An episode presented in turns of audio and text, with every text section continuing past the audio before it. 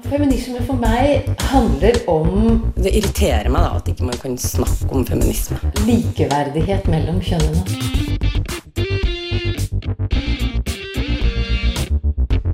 Det blikket på kvinnen på film. handlet det om å bli tatt på alvor som jente. Du hører på Et eget rom på Radio Nova. Det har vært en tøff uke for eh, Kardashian-familien med intriger, fødsel og utroskap. Men er det egentlig så synd på dem? Eller bare casher de inn på eh, patriarkatet?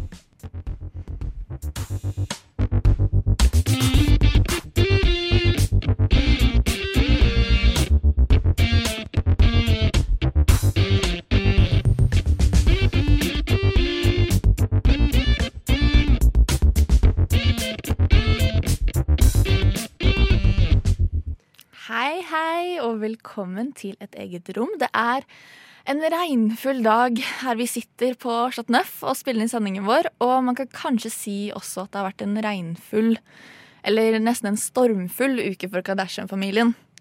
Eh, Men det er ikke akkurat det vi skal snakke om i dag. Vi skal snakke om hvordan Kardashian-familien og andre kvinner tjener penger på å promotere skjønnhetsidealer som kanskje eller kanskje ikke er med på å ødelegge selvbildet til unge folk.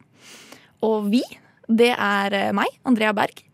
Og med meg i studio har jeg også den briljante Anita Kristiansen, aka vår inhouse Kardashian-ekspert. Det stemmer. Hei. Hallo til deg.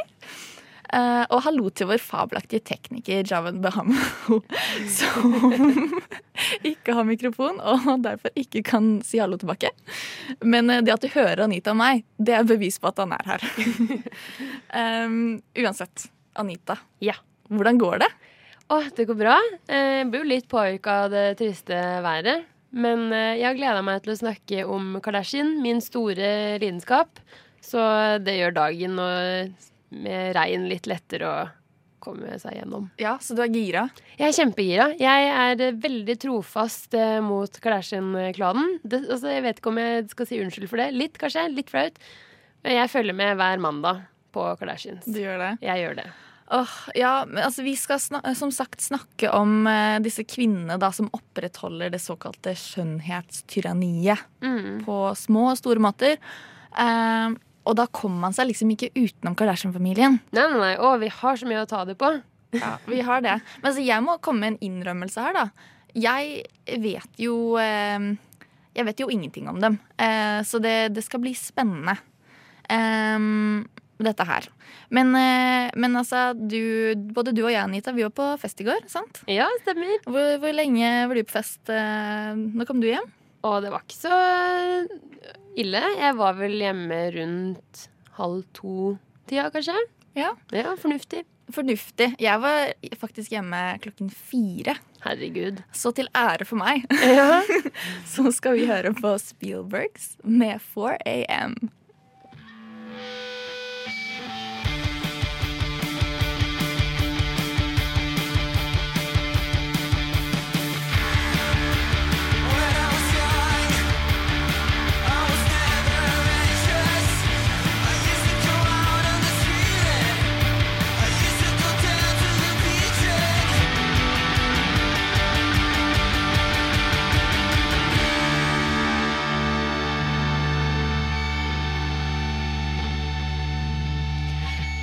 Det var uh, 4 AM av Spielbergs. Um, veldig ofte når vi uh, sitter og planlegger hva slags tema vi har lyst til å snakke om, uh, altså ha sending om, så går det på store temaer som det har vært masse debatt om, eller kampsaker som liksom ligger ekstra nærme hjertene våre. Eh, men denne episoden den ble liksom unnfanget gjennom et enkelt intervju på Channel 4 som en britisk TV-kanal. Det er en britisk TV-kanal eh, som jeg følger på Facebook. da, så Det dukket opp i feeden min. Eh, Der lot en av mine favorittskuespillere, Jamila Jamil, som dere kanskje kjenner som den litt sånn perfekte, men irriterende naboen i The Good Place, hvis noen har sett på det. Eh, Hun lot seg intervjue om annet hennes meninger om Kardashian-familien. Og her eh, er et lite klipp fra det. The double agent for the patriarchy is basically just a woman who perhaps unknowingly is still putting the patriarchal narrative out into the world are still benefiting off, profiting off, and selling a patriarchal narrative to other women. But it's a wolf in sheep's clothing. You know, just because you look like a woman, we trust you and we think you're on our side. But you are selling us something that is that really doesn't make us feel good. You're selling us a, an ideal, a, a body shape, a, an, a you know, a, a problem with our wrinkles, a problem with aging, a problem with gravity, a problem with any kind of body fat. You're selling us self-consciousness. The, the same poison that made you clearly develop some sort of body dysmorphia or facial dysmorphia, you are now pouring back into the world. You're like recycling hatred. And I find that really dangerous and I think it's unacceptable. And I don't care if you're a woman. The money is built on the blood and tears of young women who believe in them, who follow them, who look up to them like the big sister they never had. It's just, it's so upsetting. It feels like such a betrayal against women. And I will not be a part of it. I, and I will not stop calling it out when I see it. Ja. Dette her syns jeg bare er så sterkt å høre på. Veldig, veldig godt intervju. Sant? Veldig. Hva, men altså, hva er det egentlig Jamil sier her, eh, Anita? Nei, altså det jeg har lagt merke til med Kardashians, er at de har jo en helt enorm påvirkningskraft. Og de tjener jo penger på å også skape usikkerhet blant unge jenter. Eh, Kim Kardashian, for eksempel, hun har jo 120 millioner følgere på Instagram. Og ofte så følger du jo det du interesserer deg i, og det, de som interesserer seg for Kardashians, er jo ofte unge jenter. Usikre jenter, som, som Jamila sa, som ser opp til dem. Og er litt sånn storesøster, idol, har sånn type um, forhold til Kim Kardashian, da. Uh, og hun, for ikke så veldig lenge siden, så la hun ut en annonse på Instagram der hun reklamerer for en sånn kjærlighet på pinne som gjør at matlysten din og søtsuget dempes. Er det sant? Det er jo helt vilt. Og hun fikk sykt, jo masse kritikk for dette, og den ble jo fjerna kort tid etter. Og hun er jo også Hun reklamerer jo også for en såkalt waist trainer. Det er et sånt korsett du skal gå med i flere timer om dagen, og da skal du bli kjempetynn og få tynn midje. Og de tjener jo som sagt helt enormt på det her. Det er faktisk 25% av inntekten hennes er, eh, kommer fra disse sponsede innleggene. Wow. Og eh, hun tjener jo faktisk Jeg må bare se på arket mitt her hvor mye hun tjener. Hun tjener faktisk eh, over fire millioner eh, kroner eh, på sånne sponsede eh, poster og kampanjer.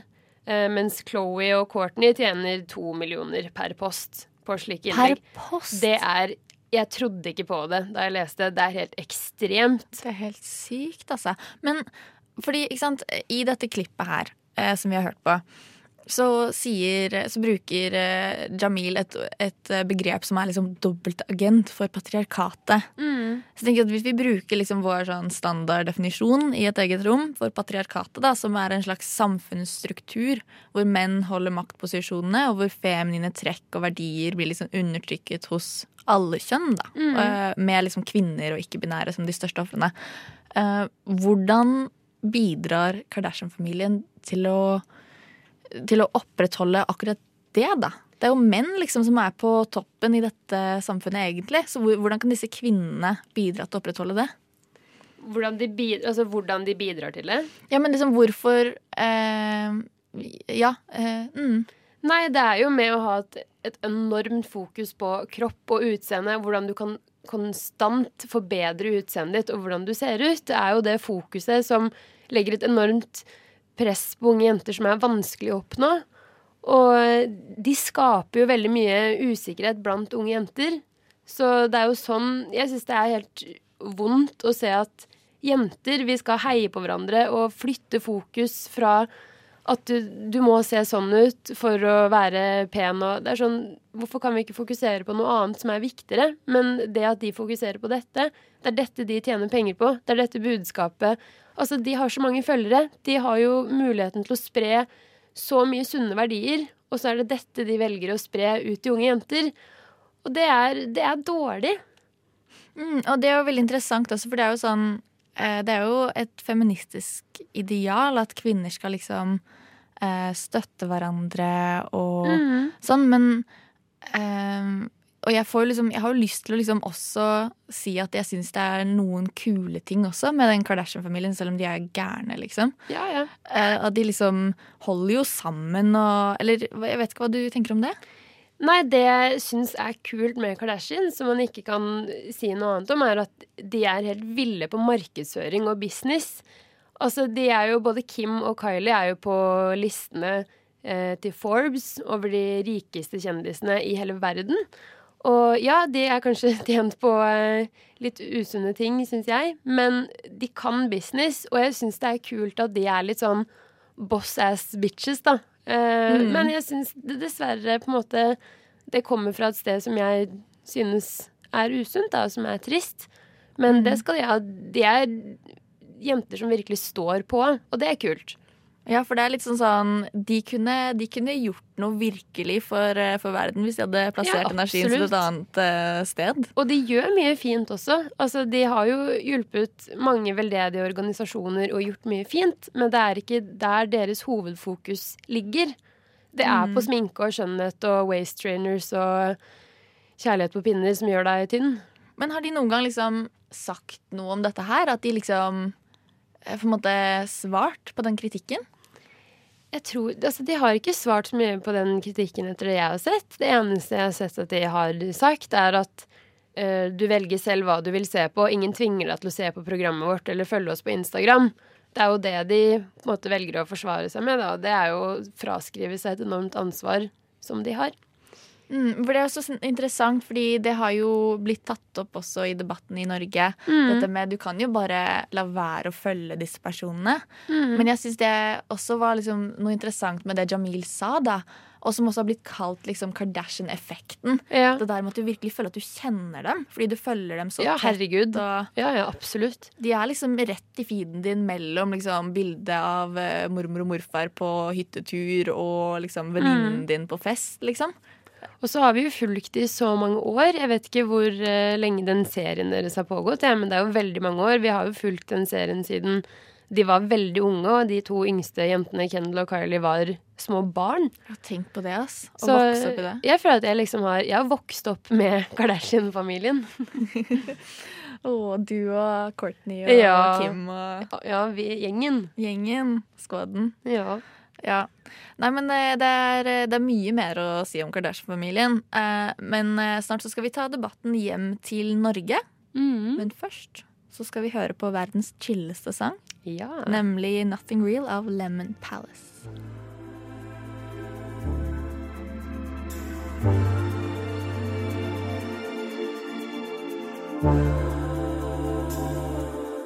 You've been using my heart,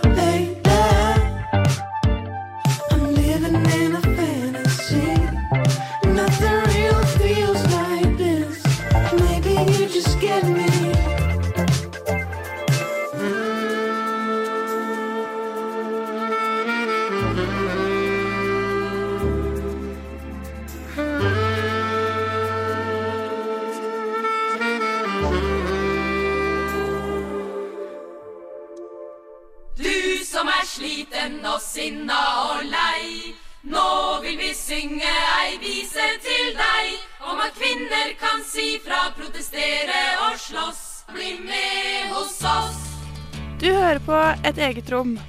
Likestilling kommer ikke av seg selv. Det var uh, 'Nothing Real' of Lemon Palace du hørte der før vår lille, lille melodi. Du hører på Et eget rom. Programmet for deg som hater menn. Nei da. Um, I dag så snakker vi om kvinner som undertrykker andre kvinner. Da spesifikt med tanke på utseende. Og eh, nå henter vi tilba eh, debatten tilbake til Norge. Um, gjør vi ikke det, Anita? Jo, det gjør vi.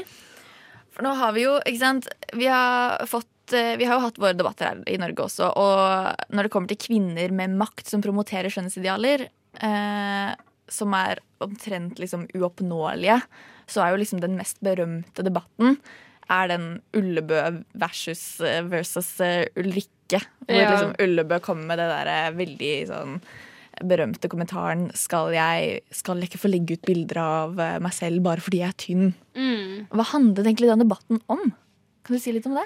Oh, eh, nei, den handla jo vel om at eh, Ulrikke er lei av em, hvordan mange influensere og bloggere ikke er bevisste på ansvaret de har, og påvirkningen de har. Mens da Kristin Ullebø eh, Jeg tror hun følte seg litt sånn For hun er jo ikke en av verstingene, og det sier de jo ofte. Men eh, det er jo det at hun legger jo ut mye bilder av kroppen sin, da. Og hun er jo veldig tynn og flott, men eh, ja, det, og da mener jo Falk at det kan bidra til å kanskje skape et slags fokus på kropp, da. Mm. Slik jeg forsto det. Ja, og det er liksom dette spørsmålet om hvor mye man skal gå inn og regulere Mm. dette her, hvor mye man skal liksom prøve å beskytte folk som ser på det, da. Ja. Og ofte så ta, det, dukker det der opp med OK, men må ikke folk bare lære seg å forholde, til det, forholde seg til det og liksom velge det bort hvis de ikke er interessert i det, da? Det syns jeg er ganske interessant. Eller sånn Ja. Har vi et ansvar for det som på en måte kommer inn i livet vårt gjennom feedene våre? For vi velger å gå på den feeden og scrolle, liksom. Ja, jeg tenker at eh, alle har jo et ansvar for å på en måte eh, på en måte fremme sunne verdier og være snille med de rundt seg. Og eh, sørge for at alle rundt seg har det bra, liksom. Og da må man jo være litt forsiktig med hva man legger ut, for det har jo stor påvirkningskraft. Og eh, Så du tenker kanskje at det egentlig handler mer nesten om folkeskikk? Ja, altså Ja, om folkeskikk og det å vite at liksom Det bildet jeg legger ut nå, det betyr kanskje ikke noe for meg, men det påvirker unge jenter som er usikre. Og unge jenter oppsøker jo disse bloggerne og influenserne og er opptatt av dette. Og da må man ta det til ettertanke da, når man legger ut bilder, at det her er det mange unge jenter som kommer til å se, og kanskje de vil bli påvirka. Jeg tenker jo better safe than sorry på det. da, at Hvis du ser, tar et bilde av kroppen din eller whatever og tenker hm, er det her egentlig innafor å legge ut, så kanskje la være. Hvor viktig er akkurat at det bildet at du legger ut maten din eller kroppen eller whatever.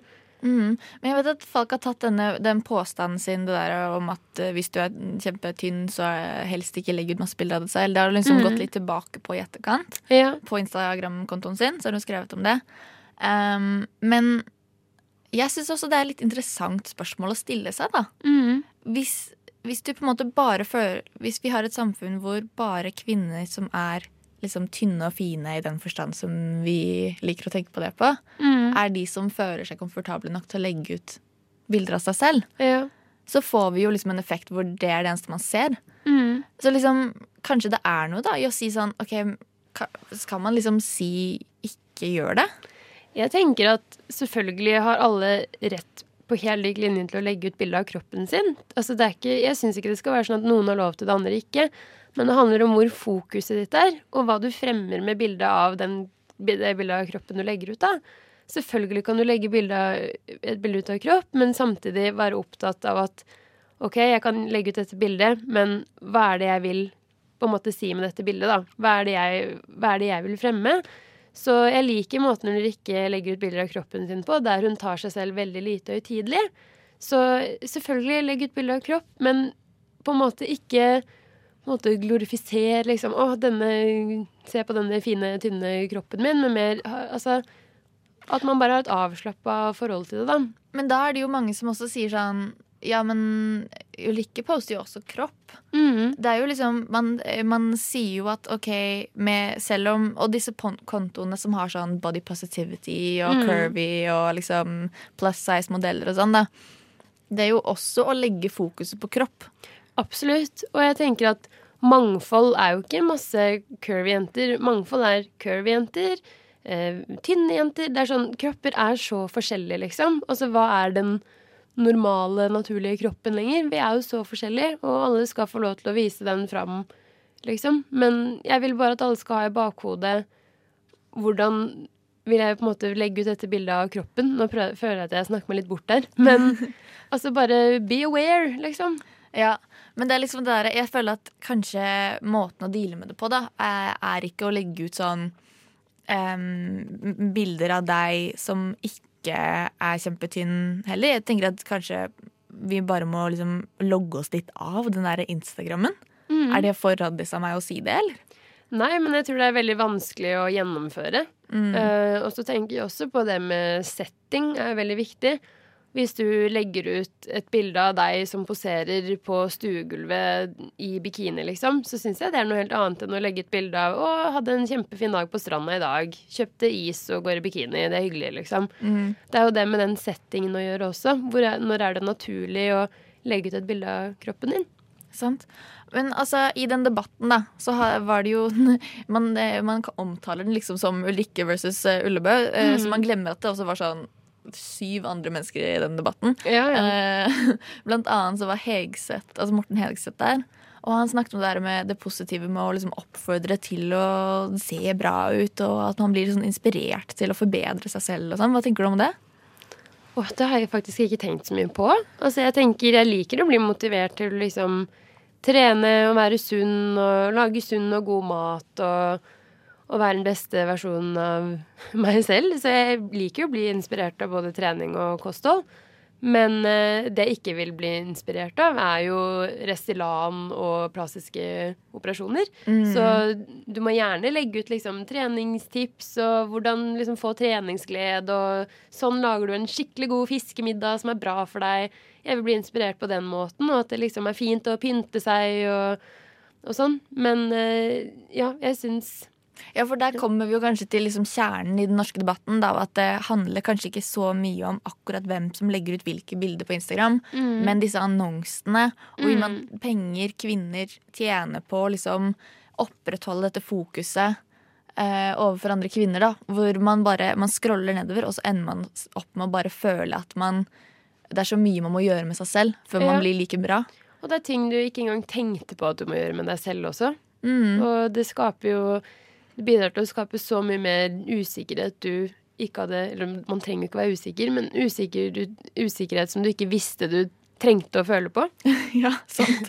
Men eh, nå skal vi få høre et eh, innslag av eh, Linda Rosenberg, som jeg tror vi alle kan kjenne oss igjen i.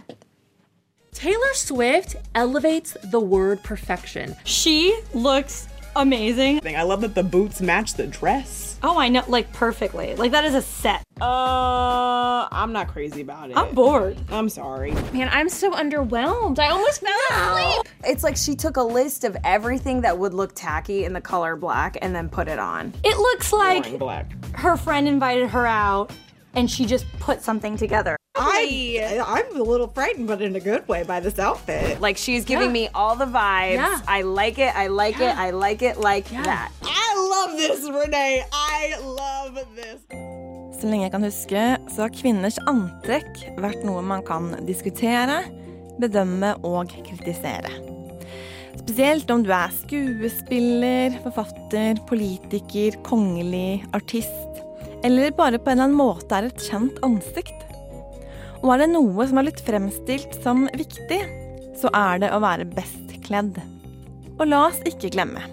Det er alltid en som kler en farge eller et antrekk bedre enn noen andre. Oh, I don't know who to pick. This is so hard. But I gotta take a look at the accessory game. The clutch, the bracelet, the shoes, it all works so perfectly on her body. I just like her boobs. And her boobs look great. Lucy looks fantastic, but for me, this one's gonna go to Selena. Hands down, no question asked, Selena Gomez kills this look. Lucy, why are you why would you do this? Som feminist så forsøker jeg likevel å være bevisst på at dette er ting som egentlig ikke betyr noe. Et bra antrekk er et antrekk som man føler seg behagelig i. Hvor man føler at man er seg selv. Og et antrekk hvor man får lov til å føle seg pen. Uavhengig av hva alle andre måtte mene. Likevel så må jeg innrømme det er ikke alltid like enkelt. For et eller annet sted i hodet mitt så sitter det en liten Jan Thomas. En stemme som mer enn gjerne bedømmer hva andre har på seg. En stemme som kan dukke opp når jeg minst venter det, og som gjerne er mer kritisk enn positiv til hva andre mennesker har på seg. En stemme som må møtes med stadige påminnelser om hva jeg faktisk ønsker å stå for, og som er like kritisk til mine egne antrekk da jeg står foran speilet, hjemme eller i et prøverom, som til alle andre. Forrige mandag så hendte det igjen. Jeg var en festmiddag i jobbsammenheng. Vertinnen, kledd i en blå, glitrende kjole med paljetter, åpen rygg og splitt, som viser bena da hun gikk. Ønsket velkommen og introduserte kveldens første underholdningsinnslag. Det som derimot for igjennom hodet mitt, i lynfart, og gjorde meg så flau at jeg nesten rødmet da jeg sto i folkemengden, var likevel Fin kjole, men hun burde kanskje vært 10-15 kilo tynnere for et slikt antrekk. Og åpen rygg er ikke alltid like fint på kvinner over 50, som har tilbrakt kanskje litt for mange timer i solskinn eller solarium. Noen ganger så vet jeg nesten ikke hvor det kommer fra. Det bare faller ned som en bombe, en motsats til de feministiske verdiene som jeg egentlig ønsker å stå for. Andre ganger så føles det lekende lett å skylde på timevis med lesing i toppblader og min mors ukentlige Se og Hør. Oppdragelsesblader når det gjelder kåringer av best kledt. This Grammys look, this put dresses on the map. I don't know if this is the best Grammy look of all time, but it is easily the most memorable. I was gonna say, iconic is the only word to describe this J-Lo look. Selv er jeg vokst opp med kvinner i familien som stadig bedømmer andres antrekk. Ikke fordi at de er så kritiske nødvendigvis til hva alle andre har på seg, men mer fordi de syns det er litt gøy å studere andre mennesker. Og folka får jo uansett ikke greie på hva vi mener. Jeg derimot var tenåringen som mente det var ustyrtelig pinlig at man uten hemninger skulle bedømme klærne, frisyren eller sminken til vilt fremmede mennesker. Mennesker som man gikk forbi på gata, eller som man observerte gjennom vinduet på kafeen der vi satt og drakk te og kaffe. Senere studenten som ristet oppgitt på hodet og himlet litt flau med øynene. Jeg har mer eller mindre fått inn med morsmelken at det er uproblematisk å anmelde hvordan andre mennesker kler seg. For ikke å si de gangene jeg selv har fått servert, som på et sølvbrett, av en familie som bare ønsker det beste for meg. Den fargen, eller det snittet, eller den lengden, er vel kanskje ikke det mest kledelige på deg. Takk for den, liksom.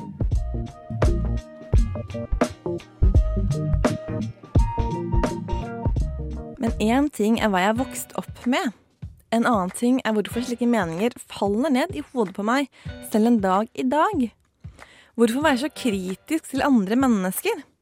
Hvorfor ikke bare la folk være som de er? Jeg har ingen svar. Kun vissheten om at dette er en av mine dårligere sider. En side som jeg forsøker å skyve så langt bak i hodet som mulig. Mentalt pakke det inn i pledd og putte det inn i mørke skap. Men som likevel spretter ut helt av seg selv når trollet en sjelden gang finner det for godt.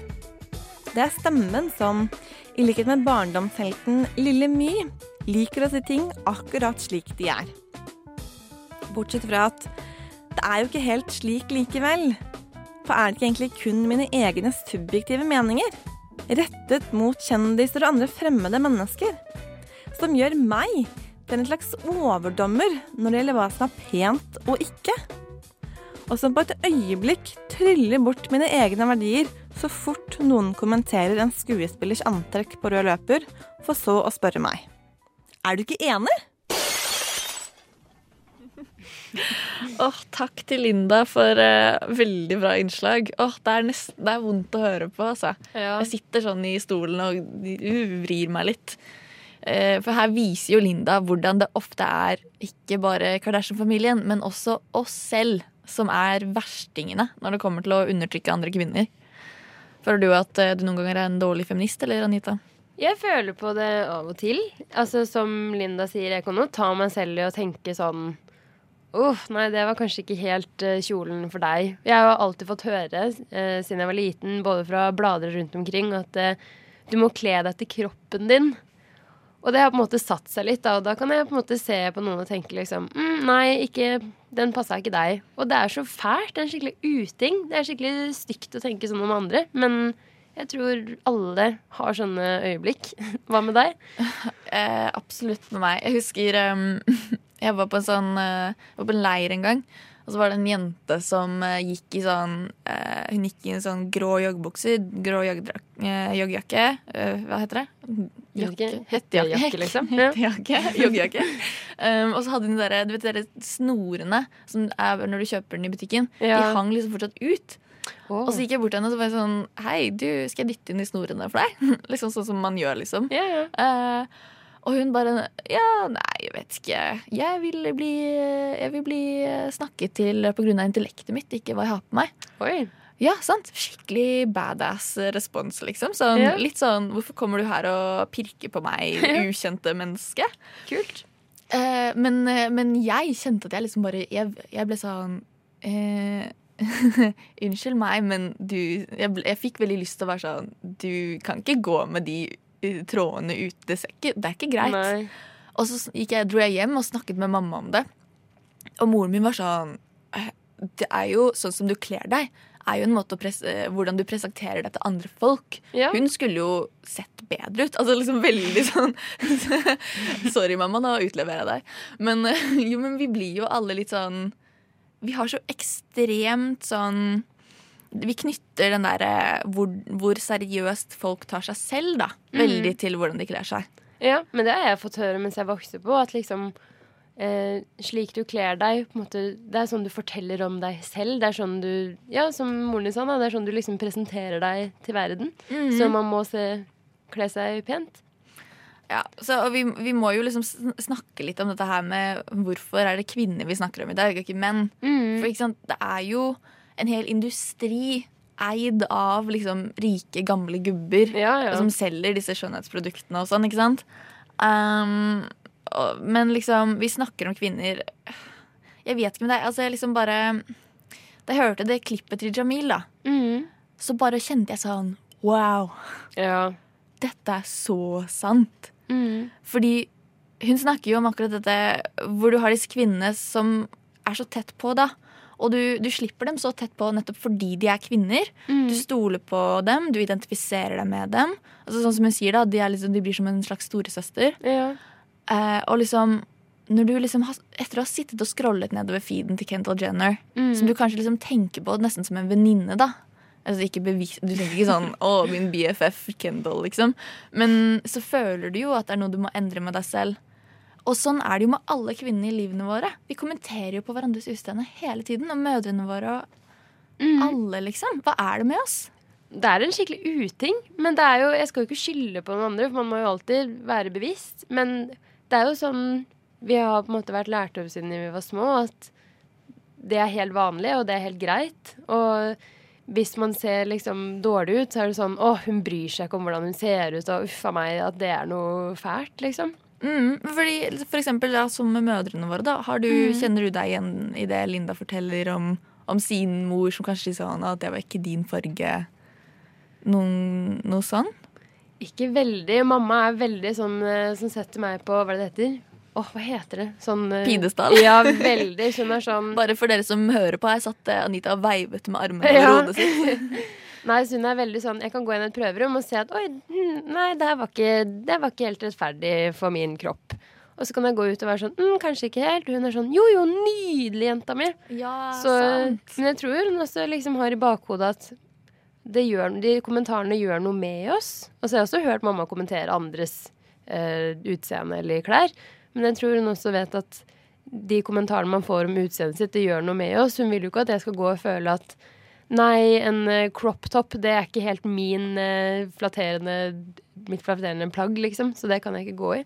Og jeg Mm. tror kanskje vi kan alle bli litt flinkere på det. Jeg tror det, altså. Fordi jeg tror liksom OK, vi kan snakke om Kardashians. Mm. Som har liksom Hvor mange millioner følgere er det de har? Det er du som sitter med Å, herregud, jeg sitter med noen tall her. De har 488 millioner følgere til sammen, disse Kardashian-søstrene. Det er helt vilt. Det er så sykt. Ja, det er helt, det er helt sykt. Men, men kanskje de som har størst impact på oss i livene våre, er vel kanskje likevel hverandre? Vennene våre og familiene våre? Ja, sånn, jeg bryr meg jo veldig mye om hva vennene og venninnene mine tenker om meg. Det er sånn hvis de kommenterer at liksom Oi, den buksa var eh, ikke helt heldig på deg. jeg tenker jo over det og tenker å nei, kanskje jeg ikke skal bruke den mer. Og mm, nei, da, jeg får ikke så veldig lyst til å bruke den igjen, fordi jeg verdsetter deres meninger. Mm. Nei, men eh, jeg tror vi, må, vi tror vi trenger en liten pustepause her med yeah. Suburban Ladyland. Ja. Basically der Kardashian-familien bor. Av eh, 22 uh, Pist Piccolo.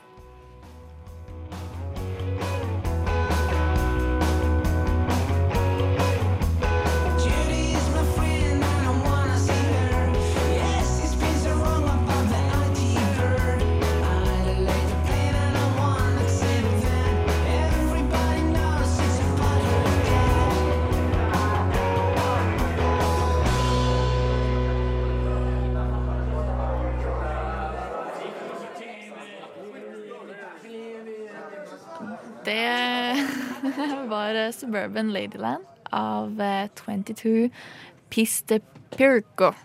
Et eh, bandnavn som jeg har øvd eh, veldig mye på å uttale, og som jeg tror jeg likevel uttalte feil. Sånn er det. Eh, sånn er det. Det er ikke lett.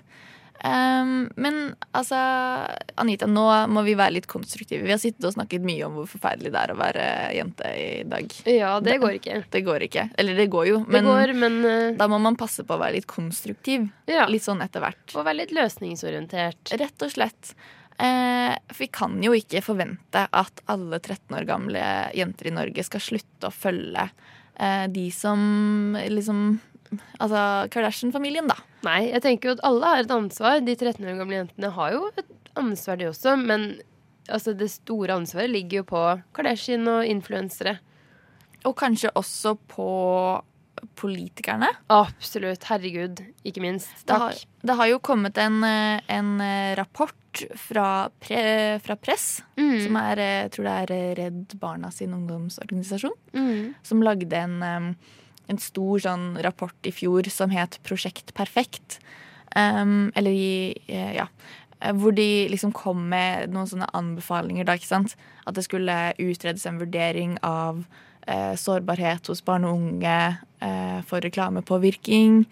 Eh, at man skal liksom gå gjennom markedsføringsloven sitt vern av barn og unge. Mm. Um, man skal liksom lage felles retningslinjer for eh, kommersielle aktører i sosiale medier. En del sånne ting som skal liksom stramme opp litt moralen her, da. Ja. Men det fins jo allerede en, en slags liten plakat, gjør det ikke det?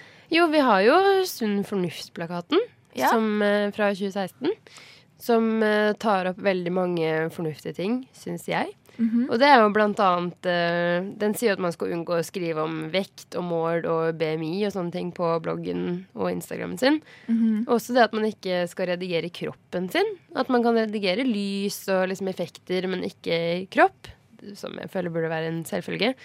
Eh, også det å ikke skrive klesstølen sin, og være varsom om du deler informasjon om eh, egne kosmetiske inngrep, da. F.eks. Restylane og sånne ting. Og eh, hvis du har en treningsblogg, at du har mer fokus på treningsglede og motivasjon, og ikke hvor fort du løper, og hvor mye du løfter i vekt eller whatever, da. Mm. Og det syns jeg er en kjempefin plakat, som jeg håper veldig mange flere vil signere. Det jo, men det er jo veldig sånn idealistisk, kanskje, da, å forvente at alle skal bare følge det. Mm. Hvordan liksom følger man opp dette, tenker jeg da. Liksom, jeg vet jo at de har hatt noen sånne mm, At Medietilsynet har liksom gått gjennom eh, en del blogger og liksom vært i kontakt med liksom Sofie Elise og sånn, da. Mm. Men føler du, som kanskje er litt mer oppdatert enn meg, at, det liksom, at folk har blitt bedre på det? Åh, det vet jeg ikke. Kanskje litt. Jeg har jo ikke lest noe om eh, Nå leser jeg jo ikke like mye blogger, da. Men jeg er jo aktiv på Instagram og følger jo mange influensere og bloggere. Og jeg har sett at det er jo Jeg har aldri sett uh, i det siste at noen har skrevet noe om vekt og størrelse og uh, liksom hvor mye de tar i benk, eller hva det nå heter, liksom. Så det syns jeg er kjempefint. Og så følger jeg også mange som driver med sminke. Jeg er jo kjempeglad i sminke. Jeg elsker å bruke sminke. Jeg bruker løsvipper og krøller håret og foundation og syns det er kjempemorsomt. Som en skikkelig dårlig feminist. Veldig dårlig feminist. Jeg får ofte høre at 'oi, du ser ikke ut som en feminist'. Og Dårlig, da syns jeg det er viktig at eh, jenter som eh, bruker sminke, eh, er med på å bidra til å få et at andre og dem selv kan få et sunnere og mer avslappet forhold til sminke. For vi trenger ikke liksom kutte ut sminke og si at nei, forbudt å kjøpe sminke, få det bort. Fordi sminke kan også være noe kreativt og morsomt. Eh, Så jeg syns bare at man skal være litt mer bevisst. Og eh, sånn, Jeg føler meg like vakker uten sminke. Jeg trenger ikke sminke, men jeg syns det er morsomt. Og det er jo veldig fint, men jeg tenker sånn Problemet med sminke da blir jo når vi som et samfunn, altså alle kvinner, føler et sånn derre press da, på å bruke Mm. veldig mye tid og krefter og, og ikke minst penger. Ja, herre min. På, altså, virkelig, det er jo dyrt. Herregud, ja, det er helt vilt. Altså, på penger da, som uh, ingen gutter uh, liksom blir tvunget til å gjøre, da. Nei. Og, da, og det er jo da det blir et problem, og, og særlig når det da kommer sånn fra fra oven, fra liksom Mm. disse influensere eller eh, folk som du følger på sosiale medier, da. Og så bare mm, ser du at de lever liksom i en verden hvor det er sånn Det er et must, da. Ja, og da må man jo ta ansvar. Da syns jeg at eh, disse sminkebloggerne og instagrammerne burde være eh, Fokusere mer på liksom, det at det er gøy, og at det er morsomt, istedenfor sånn 'Å, denne foundation må du ha', og 'sånn ser du vakrere ut'. Liksom, slik eh, ser huden din perfekt ut. Men at mer sånn dette er morsomt, at de viser seg mye uten sminke, og at de på en måte presenterer at jeg trenger ikke sminke, jeg trenger ikke bruke sminke hver dag. Sminke er en hobby, det er noe gøy. At de liksom utstråler sånne sunne Et sunt forhold til det. Det tror jeg kan gjøre ganske mye. det påvirker jo ungdommer. Det er sånn, Da jeg vokste opp og begynte med sminke, så brukte jeg sminke fordi jeg tenkte Jeg så på YouTuber og tenkte at å, dette må jeg ha for å se fin ut. Og så har jeg fulgt litt mer sånn avslappa sminkeprofiler som har vært sånn leker seg litt med farger og vipper og som går mye uten sminke og forteller det at liksom, å, det skal være morsomt, og man trenger ikke bruke det hver dag. Og da har det smittet over på meg, for da har jeg fått et bilde på at liksom Å, men da er det jo noe gøy. Da. Det er ikke noe jeg trenger. Det er noe jeg finner glede i. Mm. Ja, men altså, vi har tydeligvis en, en lang vei å gå. Ja. og dessverre, til en del av disse punktene, så har eh, politikerne foreløpig i hvert fall sagt uh, sorry no. Og det er også uh, navnet på sangen vi skal høre nå, av Pellicat Hetheram.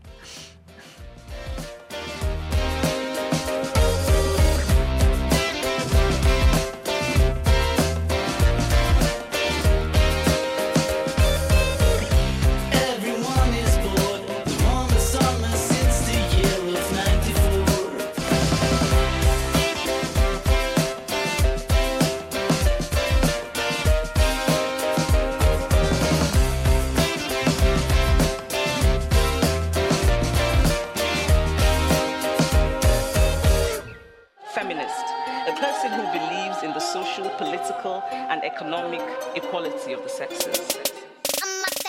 Eget rom. Et eget rom. Et eget rom. Et eget rom. Et eget rom.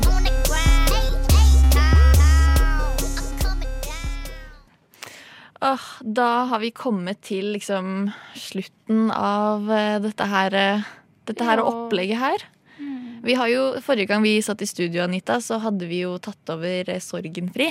Stemmer. Og da hadde jeg veldig voldsom trang til å si sånn Hva har vi lært i dag? Og i dag Og i dag så kan du faktisk si det. Åh, jeg er så lykkelig. Jeg kan ta på meg nerdebrillene mine. Jeg gjør det faktisk. Ja, jeg har brillene på meg nerdebrillene mine i dag. Vi har begge på oss nerdebrillene våre. Ja. Metaforisk og fysisk. Og i mine var litt, det var litt fettete. Det er mine ja. Men, eh, men eh, ja, har vi blitt klokere, Anita? Og jeg vet ikke om jeg har blitt klokere, men jeg har blitt mer eh, bevisst. Jeg føler at jeg har blitt tvunget til å på en måte eh, sette meg litt inn i det, og hvor mye makt har influensere. Og jeg visste jo ikke at Kardashian-klanen f.eks. tjente så mye på et sånn sponsa innlegg, f.eks. Og det er jo en liten øyeåpner. Mm. Og jeg tenker sånn, det er jo virkelig altså, Når vi har sittet og liksom forberedt oss til denne sendingen i dag, Mm. um, så har vi snakket så mye om alle disse tingene som vi har vokst opp i. Ja. Ikke sant? På topp. Å, Eh. Det der fabelaktige bladet som vi alle leste. Åh, ikke sant? Det er jo helt håpløst, det vi har vokst opp i. Det er jo et mirakel at det har gått så bra som det har gått. Ja, virkelig. jeg. virkelig. Ja. Så jeg syns egentlig at vi fortjener liksom en liten klapp på skulderen for at vi har eh, kommet ut av dette her Absolutt. uten å bli helt gale. For det er mye greier. Det er veldig mye greier. Jeg, blir, kjenner jeg blir helt stressa når jeg tenker over det. Ja, det er, Herregud. mm. Men um, jeg, jeg, jeg tror at vi har blitt klokere, og jeg tror at um, vi ved å liksom Det beste man gjør, er liksom bare å bli bevisst på det. Og jeg kan bare Mm. Kan jeg bare komme med en liten anbefaling og bare be alle gå litt gjennom hvem man følger på sosiale medier? Ja. Og hvis du følger noen som du ser på, og så føler du deg dårlig, Men det så må du hjelper bare så mye. Slett. Men det, Unfollow. Det er så deilig, for det gjorde jeg. Jeg klarer fortsatt ikke Der er en lang vei å gå. Jeg klarer ikke å avfølge Kardashians. Og jeg føler, jeg føler at jeg går glipp av eh, hele verden. Men jeg har liksom sletta sånne fine supermodeller som får meg til å bli sånn Oi, shit, kroppen min. mhm. Så jeg, nå følger jeg på en måte mennesker som, jeg, som gir meg mer positive følelser, da. Så bra. Unntatt Kardashians. Ja. Men jeg har tatt litt avstand eh, fra Kardashians, for nå har jeg blitt mer bevisst. Nå skjønner jeg liksom Ja. Ja. Nei, men eh, jeg, jeg tror vi bare vi lar det være med de visdomsordene der. Ja.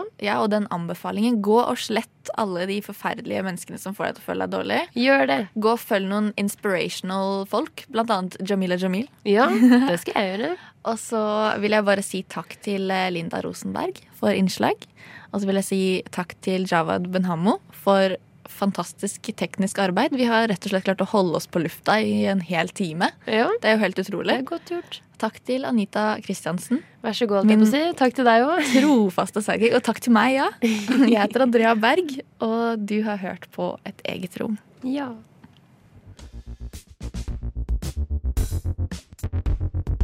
Du har hørt en podkast fra Et eget rom på Radio Nova.